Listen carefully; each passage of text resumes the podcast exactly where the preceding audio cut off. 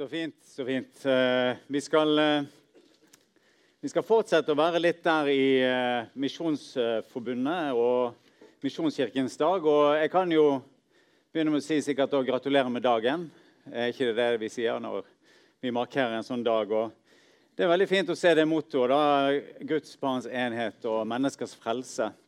Og jeg tenker det at Når vi en dag møtes alle Guds barn foran Guds trone, så blir det en herlig blanding, for å si det sånn. Sant? Og jeg bare sto og tenkte på det her nå under lovsangen. Jeg får jo reist en del, og for ikke lenge siden så var jeg i Nigeria. Og da fortalte de der nede så sa jeg, i Norge så har vi altså I Nigeria så danser de jo skikkelig altså når det er lovsang. Sant? Da er det jo full, full rulle, for å si det sånn. Sant? Og, og, og, ja skal kjøre et lite kurs på det neste helg. Så, men da, sant, jeg, jeg, føler jeg får ikke det der helt til, da. Sant? Eh, men jeg prøver så godt jeg kan. Og så sier jeg til dem, da, så sier jeg, I Norge så har vi to, egentlig, to grunnstillinger når det gjelder lovsang. da. Eh, enten så lovsynger vi sånn, eller så gjør vi sånn. Og da ler de veldig. da, sant? Så det er utrolig morsomt at det går an å lovsynge på den måten. liksom, Så rolig. da. Så sier han en til meg i i Nigeria så liker vi å riste på hele kroppen når vi lovsynger Gud. og det er det de gjør, da.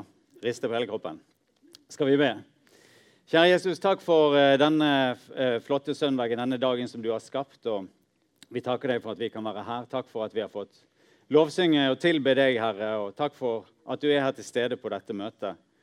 Så ber vi, Herre, om at du kan tale til oss i dag inn i gjennom alt det som skjer i møtet, Jesus. At du kan få berøre hjertene våre. At eh, vi skal få se at du eh, får virkelig merke at du er her, og at du kan tale til oss, Herre. Og, og hjelpe oss til å handle på det du viser. Så takker vi deg for enheten mellom de kristne, og takker deg for enheten mellom eh, dine etterfølgere her i Arna. Jesus, takk for at vi kan stå sammen som ditt folk. Takk for at vi får feire i hvert fall én gang i året på Bibelens dag, Herre eh, hvordan vi er en del av det samme laget.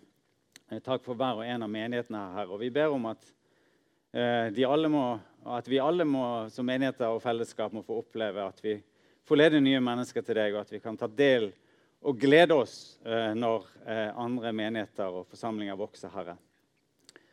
Så takker vi deg for at vi får være her, og eh, ber Jesus om å vise oss vei og hvordan vi også kan la denne visjonen bli, til, bli, vår. At eh, vi skal jobbe for enhet blant Guds folk og for menneskers frelse. Jeg har lyst til å be spesielt i dag også for eh, den ortodokse kirke, Herre. og Du ser at det, den holder på å deles i to eh, pga. politiske forhold. Vi ber om at du gir eh, lederne der visdom på begge sider, så de kan eh, gå inn i denne situasjonen og skape enhet. I Jesu navn. Amen. Ja, Vi skal begynne med litt om Misjonskirken, og så skal vi fortsette inn i teksten. Eh, og det er sikkert mange her, inkludert meg sjøl, eh, som eh, før jeg forberedte meg, da, ikke kjente så godt til bakgrunnen for Misjonskirken i Norge. Det hadde vært interessant å tatt en liten test på begynnelsen av møtet. og så sett, Kunne vi kjørt den samme testen på slutten av møtet? Kanskje har vi lært noe nytt. Eh, men eh, eh, Misjonskirken i Norge den har link tilbake til de aller, aller første frimenigheter i Norge. Og Historien skrives tilbake til en prest i Den norske kirke som het Gustav Adolf Lammers. Og Han fikk stå i en, en flott vekkelse. For å plassere han her for konfirmanter og sånne, og alle oss i tid Dere har jo om Henrik Ibsen på skolen. Sant? Og han Lammers han var faktisk en venn av Henrik Ibsen sin søster ikke det er ganske interessant?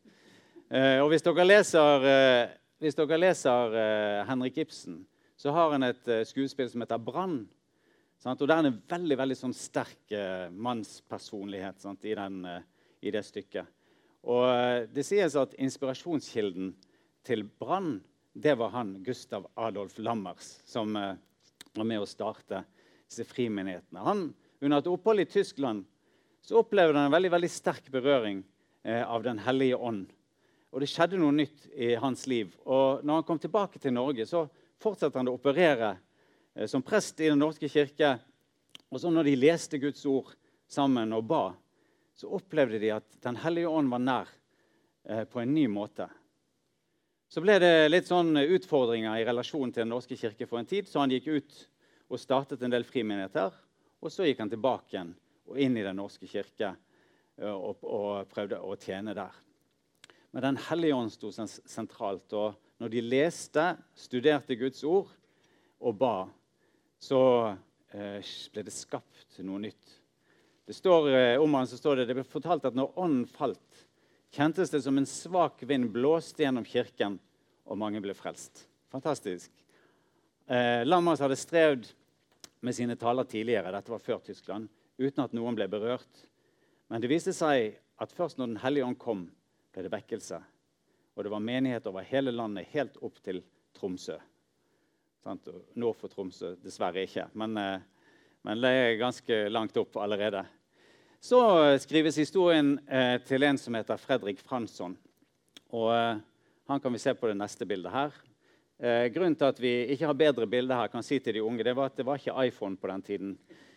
Så de fikk ikke tatt eh, eh digitale bilder. da. Men derfor er det mest eh, eh, sånne tegninger. da. Bare sånn at dere vet det. Jeg er vokst opp i den tiden jeg òg, før eh, smartphone. Da må, måtte vi være, være smarte oppi her. han var en svensk-amerikansk vekkelsesforkynner og kom til Norge og begynte møter i Norge første nyttårsdag i 1883. Og så eh, ble det skapt en vekkelse. Folk ble ledet til Jesus. Sant? De kommer i syndenød, de gir livet sitt til han. Og så blir det oppstarten av det som senere i dag da, er Misjonskirken i Norge. Og Her var det viktig med enhet blant de kristne. Sant? Og det slås fast i begynnelsen der, i 1884, da det ble startet, eh, at medlemskap i statskirken, nattvær og tid og form for dåp ikke får sette skille eller, hinder, eller hindre noen i å være med i den kristne menighet. Det viktigste er troen på Jesus Kristus. Eh, og det var han eh, Fransson her som formet mottoet for eh, Misjonskirken, som er Guds barns enhet og menneskers frelse. Og når vi hørte godt etter noe, så hørte vi at eh, for begge to så var det berøring av Den hellige ånd sånn som skapte noe nytt. Og Bibelen hvis vi går inn i Bibelen og studerer det, så ser vi også at mennesker får et møte med Jesus sant? og et møte med Den hellige ånd. Og så skapes det en forandring enten veldig veldig fort sant? Det kan skje i løpet av eh, minutter eller sekunder, eller litt over tid.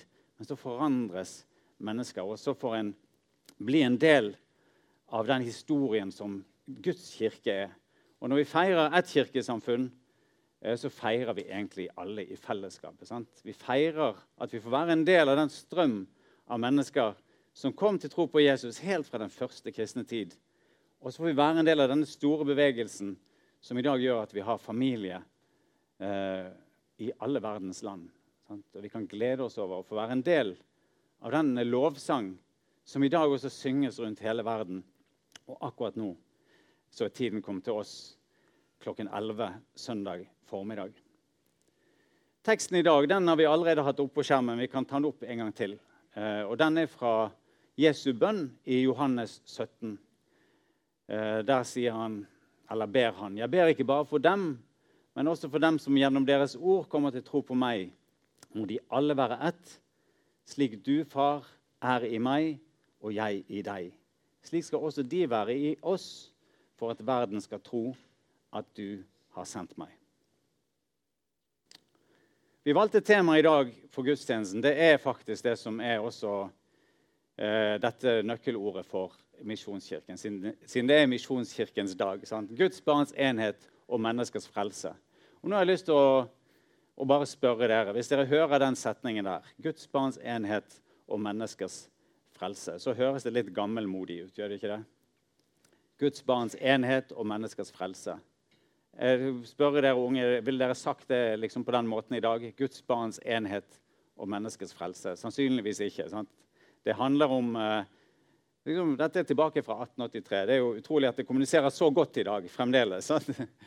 Men her, det, her, trenger vi kanskje å jobbe litt, sånn at dette blir vårt eget, og det blir til noe for oss i dag. Og Jeg har lyst til å begynne med dette med frelse.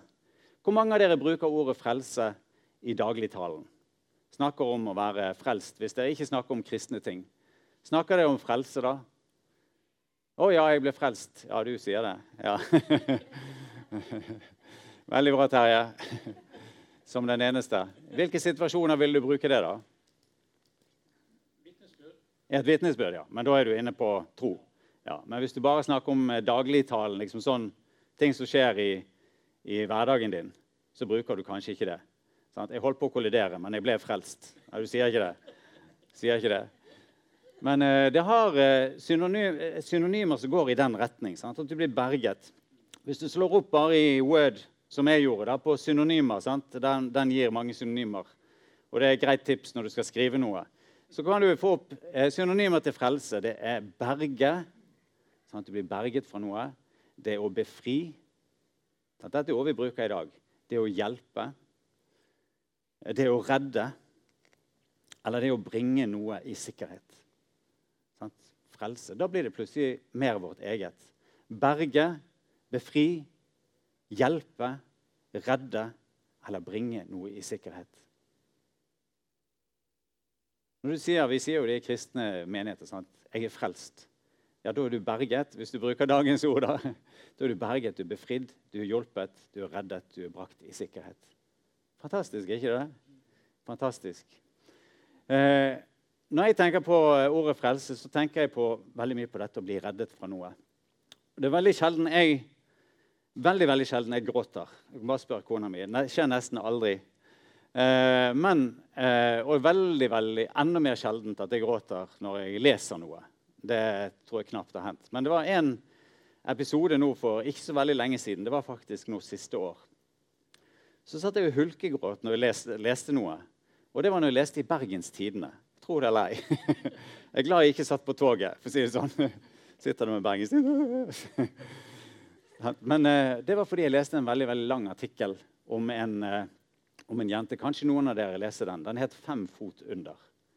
Fem fot under, Og handler om en jente som heter Adina Lange, som er tysk. Og så reiser hun. Vi kan få eh, opp her på Her ser dere eh, litt av illustrasjonen til den teksten. Så reiser hun og noen venner. Sammen, hun reiser sammen med faren sin, som heter Ove. Totalt er det en gruppe på seks personer som reiser, og de skal gå fra Haugastøl og opp til Finse. Det er en tur jeg har gått. Jeg har gått motsatt vei. da. Men eh, mange av dere er kjent i det området der. Vi vet at det kan være tøft der oppe. Vi vet også at det kan være fantastisk å gå på ski i det området der.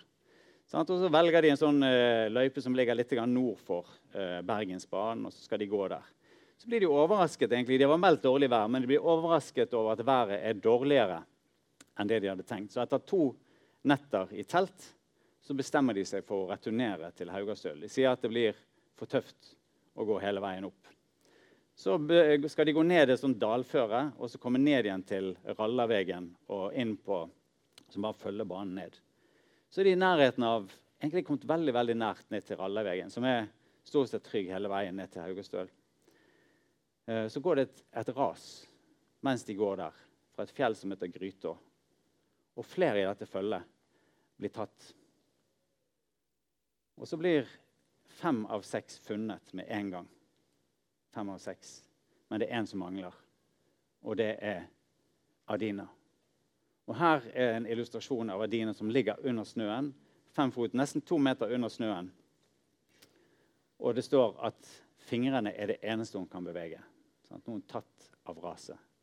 Og Så handler denne reportasjen bare om hvordan eh, hele dette dramaet utspiller seg veldig veldig detaljert om hvordan faren, som er en veldig veldig erfaren turgåer, han vet at eh, når du blir tatt av et ras, så er det nesten altså Med mindre du er veldig skadet, så vil du bli reddet hvis du blir funnet i løpet av 15 minutter. Det er veldig, veldig kort tid. Når, du, når du går 30 minutter, hvis det går 30 minutter, så er de fleste døde når de blir gravet ut av en snøras så begynner de å leite. Og de har jo ikke noe utstyr egentlig godt til å leite i dette snøraset. Og så leiter de og leiter og får tilkalt hjelp. Og så får vi lese om alle disse ressursene som brukes for å berge dette ene mennesket, Adina, som ligger to meter under snøen. Kan se neste bilde her. Hun skriker. sant? Bare gå videre. Og Her ser dere etter at hjelpekorpset begynte å komme så så det sånn ut. Og så går de og leter. Så går det én time. Først går det en halvtime, og faren sier nå er sjansen for at jeg finner datteren min i livet nesten, nesten borte. Så går det én time, og han regner med at eh, nå er det for seint. Så går det to timer. Så kommer hjelpemannskapet, så fortsetter de å lete egentlig etter denne jenta som nå etter all sannsynlighet vil være død når de finner henne.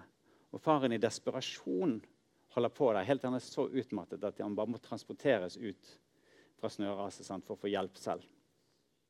Etter 4 timer og 16 minutter så er det en sånn lavinehund som finner Adina, begynner å markere. Så graver de ned, og så finner de henne etter 4 timer og 16 minutter. Masse ressurser brukt på det. Og så ser de hun er i live. Hun er fortsatt i live. Men nå begynner en veldig veldig vanskelig jobb. For hun er jo selvfølgelig enormt nedkjølt. Og får transportert henne ut uten at hun dør eh, på veien. Men det går.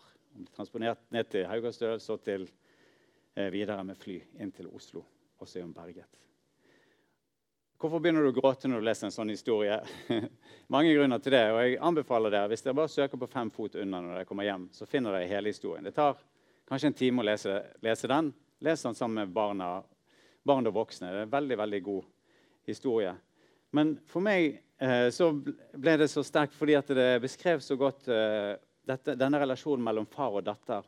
Og du kjenner deg igjen i det. Sånn, at hvis et av barna dine er blitt borte, så vil du bare gjøre alt du kan for å finne henne eller han. Altså det, det, det, det, det eneste du klarer å tenke på, uavhengig av om du selv blir nedkjølt, om du selv kommer i fare. Jeg må finne datteren min. Sant? Jeg må finne datteren min. Hun kan fortsatt være i live, selv om håpet er borte. Hun kan fortsatt være i live. Så får du følge redningsoperasjoner sant, med alle de andre som kommer inn. Og så er det jo så fantastisk at det lykkes. Og hvis du tar neste bilde her, så får du se her er far og datter eh, dette tatt etter oss. Etter at de kom tilbake til Tyskland, og, og de fremdeles i live. Så livet, livet vant. Men nå, etterpå når jeg tenker på det, så tenker jeg at eh, For en fantastisk historie som også illustrerer eh, Guds forhold til oss. Sant? Vår redningsmann, Jesus. Sant? Vi er tatt opp, vi er Guds barn, sier Bibelen. Og dette redningsapparatet, det er der for alle som ennå ikke har fått se hvem Jesus er. Sant? Gud er på leit. Gud er på leit. Og så sier han alt skal jeg gjøre for å finne den ene. Alt skal jeg gjøre for å finne den ene. Sånn er vår bergingsmann. Det, det, det mangler ikke på ressurser. Sant? Vi kjører inn de ressursene som trengs for å få det til.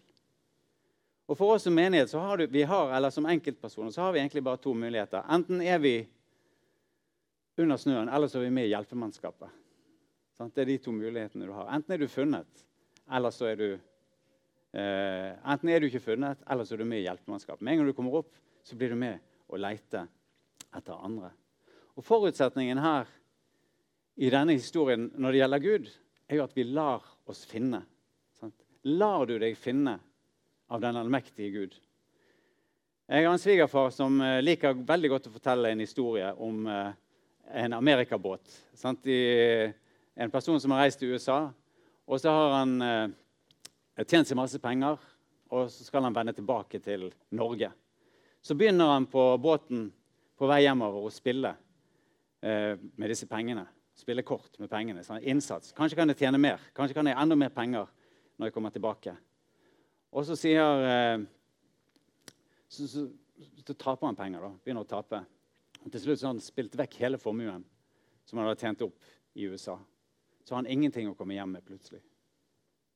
Så bestemmer han seg for at han skal ta sitt eget liv. Og han hopper av båten. Men det er noen som ser han, og de får informert kapteinen. Og så snur kapteinen den store amerikabåten. Og så får de satt ut en redningsbåt, og så reiser redningsmennene bort for å hjelpe mannen ut gjennom vannet. Men når de kommer bort, så skjer det noe som var uventet. Og det er at han stritter imot. Han vil ikke bli berget. Og det blir en kamp der ute i sjøen. Og til slutt så sier kapteinen La han gå. La han gå. Vi må bare la han gå. Og så kommer redningsmennene tilbake, og så fortsetter Amerikabåten. Og denne mannen eh, dør. Han ville ikke la seg berge. Men ressursene er der. Redningsmannen er der. Leitingen pågår. Og vi er en del av leitemannskapet hvis du har tatt imot Jesus. Forutsetningen er at vi lar oss finne. Frelse er redning. Frelse er frigjøring. Sant? Berging. Frelse er å kunne ta av alt som tynger, og bare legge det vekk. Frelse er å få frihet for det som kalles synd i Bibelen. Og hva er synd for noe? Jo, det er å handle mot Guds vilje. I dag så bruker vi ikke det ordet så veldig mye fordi vi skal være så forsiktige. Men det er å handle mot Guds vilje i våre egne liv. Sant? Eh, med våre egne liv. Samvittigheten vi har, som Gud har gitt oss, det er et veldig godt redskap som kan si oss at nå gjorde du noe som du ikke skulle gjort. sant? Eh, nå eh, fikk du tilbake mer penger enn du skulle i butikken. Du skulle informert den som satt i kassen, om at dette var feil. Sant? Samvittigheten slår inn. Jeg skulle nok gjort det. Sant? Eh, et godt redskap. Nå sa du et ord som skadet den personen, eller skapte noe uheldig i den relasjonen til den personen. Det må du gjøre opp. Sant? så slår samvittigheten inn. Men samvittigheten er et eh, litt vanskelig redskap fordi det sløves over tid. Hvis en bare hele tiden overhører den samvittigheten, så blir det bare sløvere og sløvere. Og så, og så sier han eh, jeg kan gjøre litt til og litt til. litt til, og så, og, så, blir det plutselig, plutselig, helt galt. Og der trenger vi Bibelen, som kan sette ting på plass igjen. Når vi leser Bibelen, så får eh, eh, samvittigheten vår en korreksjon. Noen har jo en altfor følsom samvittighet også. Sant? At de, de syns eh, alt de gjør, blir galt. Selv om de selv om det er liksom, uh, gjort ut fra de beste intensjoner, så finner de alltid bitte lite grann som likevel gjorde at det ble helt galt. Da. Og da kan Der kan Bibelen være med å korrigere samvittigheten inn eh, på, et, på, et, riktig punkt. Men det å behandle noe med urett, det kaller Bibelen synd. Det å overforbruke ressurser, som jeg tror mange av oss kan bli skyldige i, det er uh, synd ifølge Bibelen. For meg ble det veldig veldig talende bare for en måned siden. Så var det Uh, sånn, uh, denne her eh, Human Development Index uh, fra FN, altså hva heter det på norsk? det er en sånn utvikling, utvek, utviklingsindeks som sier hvordan landet ligger an. Og så sto det at Norge var nummer én. Vi er det mest utviklede landet i hele verden. Og så sto det at aller, aller nederst, og jeg hadde akkurat vært der, så ligger Niger, som ligger rett nord for Nigeria. Der lå Niger. Jeg hadde vært og vært sammen med folk og hadde blitt glad i mennesker der. Så tenker jeg wow. Er det, er det mulig å få til noe sånt til de som ligger øverst på listen, som er oss, også kan hjelpe de som ligger nederst? Eller kan gjøre noe for å hjelpe de som ligger nederst på listen? Kanskje det er mulig. Det er jo fremdeles å tenke på hvordan det kan skje. Bibelen kaller overforbruk av ressurser. og Det å la være å hjelpe for synd. Det å stjele er synd. Det å tale usant om sin neste eller i det hele tatt å tale usant, er synd. Det å baktale noen kaller Bibelen for synd. Det å ikke verne om eh, ryktet til en annen. Sant? Kanskje hører du noe baktaling, og så blir du bare med, eller du lar være å stoppe det.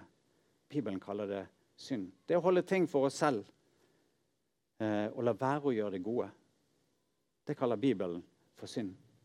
når vi leser Bibelen, så tenker jeg at du blir stående der så tenker du Kjære Gud. sånn, tilgi meg. Tilgi meg. Det var to menn som gikk til tempelet. Kanskje kommer du sånn eh, til kirken i dag òg. Den ene sa Gud, jeg takker deg for at det ikke er sånn som de andre. sånn, er jo åpenbart at de gjør mye galt. Sånn, så, sånn som han andre der borte. Takker deg for det. Takk for at jeg er mer rettferdig. Og så sier den andre som står der sier bare en bønn. Gud, vær med synder nådig. Og så sier Jesus det var én av de som gikk tilgitt bort og hjem igjen den dagen. Og det var han som ba om tilgivelse. Sant? Han andre ble ikke fri. Det er frigjørende kraft i å bekjenne synd. Eh, jeg, har, jeg, har, gjort mye galt i livet mitt. Eh, og noen ganger fått oppleve denne gleden av å få fortelle andre eh, at du har gjort noe galt, og fått tilgivelse.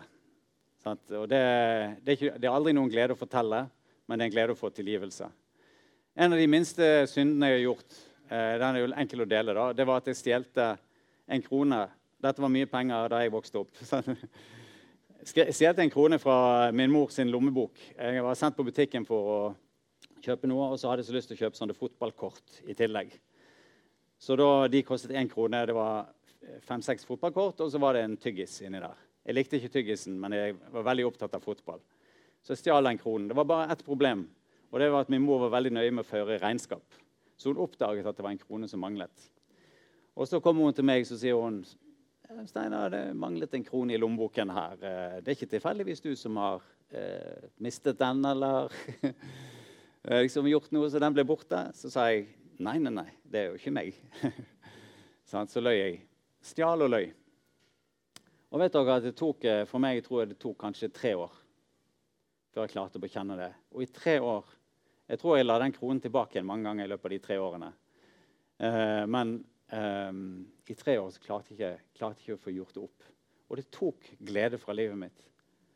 Jeg var tynget ned av en sånn liten ting. Det var bare tull. Jeg kunne bare sagt med en gang at det var meg.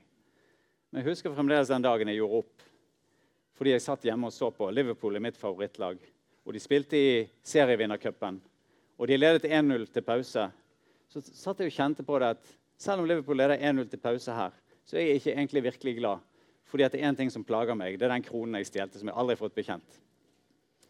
Så jeg, gikk jeg til min mor og sa jeg, vet du, det skjedde noe for tre år siden. Jeg er nødt til å bekjenne det.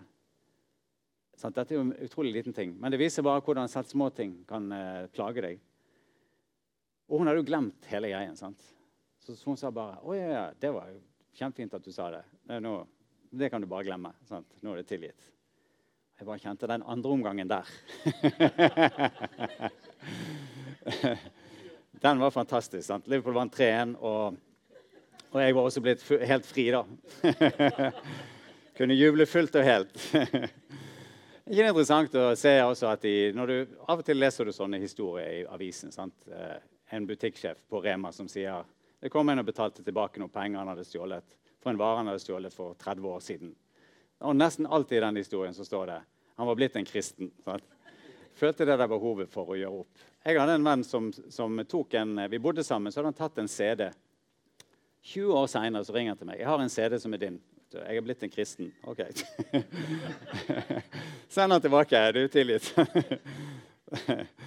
Så det er fantastisk. Men dette er en stadig kamp sant? Og, som ikke vi får fri. Og selv Paulus sier det vonde jeg ikke vil, det gjør jeg. Og det gode jeg vil, det gjør jeg ikke. Sant? Men jeg tror at for Paulus, som for oss, så kan fokus få være på det at når vi tar imot Jesus, så er vi tilgitt til syndere. Vi, vi, slutter aldri fredsavtale med synden. Men vi får likevel leve i dette at vi alltid, alltid vet at hos Gud er det tilgivelse når vi ber om det. Sant? Og det kalles nåde. Møtet med Den hellige ånd eh, det skjedde med menneskene bak Misjonskirken. Når du, når du, møter Den hellige ånd, så får du ofte et nytt verdensbilde. Sant? Hvis du ser på Paulus i Bibelen, så forfulgte han de kristne. Og i det at han gjorde det, forfulgte de kristne, dro de ut fra forsamlingen, satte de i fengsel, så trodde han at han tjente Gud. Det var hans gudstjeneste. Vi må ta de der kristne. Og så får han et møte med Jesus på veien til Damaskus. Der Jesus spør han direkte. 'Saul, hvorfor forfølger du meg?' Og så skjønner han at denne Jesus, som de kristne sier var død og har stått opp igjen, han lever faktisk. Sant? Det er sant, det de forteller. Og så får han et nytt verdensbilde. Og da blir plutselig det som kanskje virker som litt fjernt, det kan bli det viktigste i livet. Jeg var eh, Eh, redaktør for et misjonsblad som het Santalen. Og vi fikk en gang en sånn pris for journalistisk arbeid av en fagpresseorganisasjon. Helt totalt ingenting med kristent eh, arbeid å gjøre, sant? den prisen og den organisasjonen. Og Da sier han som skal dele ut prisen, og jeg tror det er sann beskrivelse, så sier han For noen er troen det aller viktigste i livet. For andre er det en total avsporing. Sant? Og det var det for han. Men likevel så har vi lyst til å ære noen som er troende, og så ga han denne prisen. Da. Og sånn er det, Men der kan Den hellige ånd komme inn, og så blir plutselig verdensbildet snudd. Og vi får en ny retning. Det som var fjernt, det blir plutselig det viktigste i livet. Guds barns enhet. Sant? Nå har vi snakket om eh, frelse. Guds barns enhet. I, ingen unge ville sagt det i dag, ikke jeg heller, eh, selv om jeg ikke er så ung. Men vi ville snakket om fellesskapet mellom de kristne. Sant? Fellesskapet mellom de kristne, det, mellom de som følger Jesus, mellom de som er Guds barn. Og Her er det viktig å vite at det å være barn det er ingen prestasjon. Det er noe en bare kan ta imot. For Adina som lå langt under snøen der, så var det å bli funnet det var ingen prestasjon. Hun bare lå der. Hun var hjelpeløs. Hun bare lå der. Det er ingen prestasjon. Det var En som sa det at det er veldig bra at dette med frelse ikke, noen, ikke er knyttet til prestasjonen. For da slipper vi sant? Vi skal være en evighet sammen i himmelen. Og da slipper vi å sitte der og lytte til folk skryte av hvorfor de kom til himmelen. Sant? Det kunne blitt helt utålelig. Ja, hør hva jeg gjorde for å komme hit. Den ene historien verre enn den andre. sant? Ja, Nå slipper vi det, fordi at alt er i Jesus. Sant? Det er bare én vei, eh, og det er Jesus. Det er å bli funnet. Når vi tar imot, så får vi familie over hele verden. Vi blir vist tillit som en gjør i en familie. Jeg får reise mye, og jeg syns det er fantastisk å oppleve dette her. At når du møter folk, de ser helt annerledes ut enn deg sjøl. Eh, de opptrer annerledes, de lovsynger annerledes. Alt er annerledes. De spiser annen mat, de lukter annerledes. Så kjenner du likevel Yes, vi er i samme familie. Altså, det, er noe, det, er noe, som binder oss sammen, og det er tillit fra dag én. I en familie så i hvert fall hvis Familien spørs jo hvordan Vi kommer sikkert fra mer eller mindre fungerende familie, alle, eh, inkludert min egen. sant? Men noe av det vi kunne tenke Eh, på som sånne viktige bærebjelker i en familie, er det som også Bibelen trekker fram, som er sannhet og nåde. Sannhet og nåde. En familie, I en familie der kan vi si det som er sant. Hvordan har du det i dag? Sant? Når kollegene spør, så sier jeg jo det går fint. Sant? Men når familiemedlemmer spør, så sier du kanskje i dag har jeg det ikke så veldig bra. Sannhet. Sant? Sannhet. Og når vi snakker sant, så er det også ting vi må ta opp og da er det viktig med nåde. Men når du har sannhet og nåde, så er det et trygt fundament for det eh, som skal skje. Da Jesus kom til jord, så var det to ting han var full av. står det i 1. Johannes 1. Han var full av sannhet eh, og nåde. Sannhet og nåde, det skaper enhet og kjærlighet. Hvis du kan takle sannheten og vise nåde, så skaper det enhet og kjærlighet. Og enhet på et sant eh, grunnlag. Veldig veldig viktig i dette blir tilgivelse, eller nåde, som det står i Bibelen. sant? William Kerry er noen av dere som har hørt om. Han var eh, misjonær, pionermisjonær til India. Han, hadde, han, var veldig veldig aktiv. Han så mange mennesker komme til tro på Jesus. Eh, han kunne delt masse på slutten av livet sitt, men da han lå på det aller, aller siste, så var det bare én ting som sto igjen i hans eh, vokabular. Det var liksom bare ett ord som var igjen, som han ville fortelle om. Ikke at han hadde oversatt Bibelen til mange språk, at India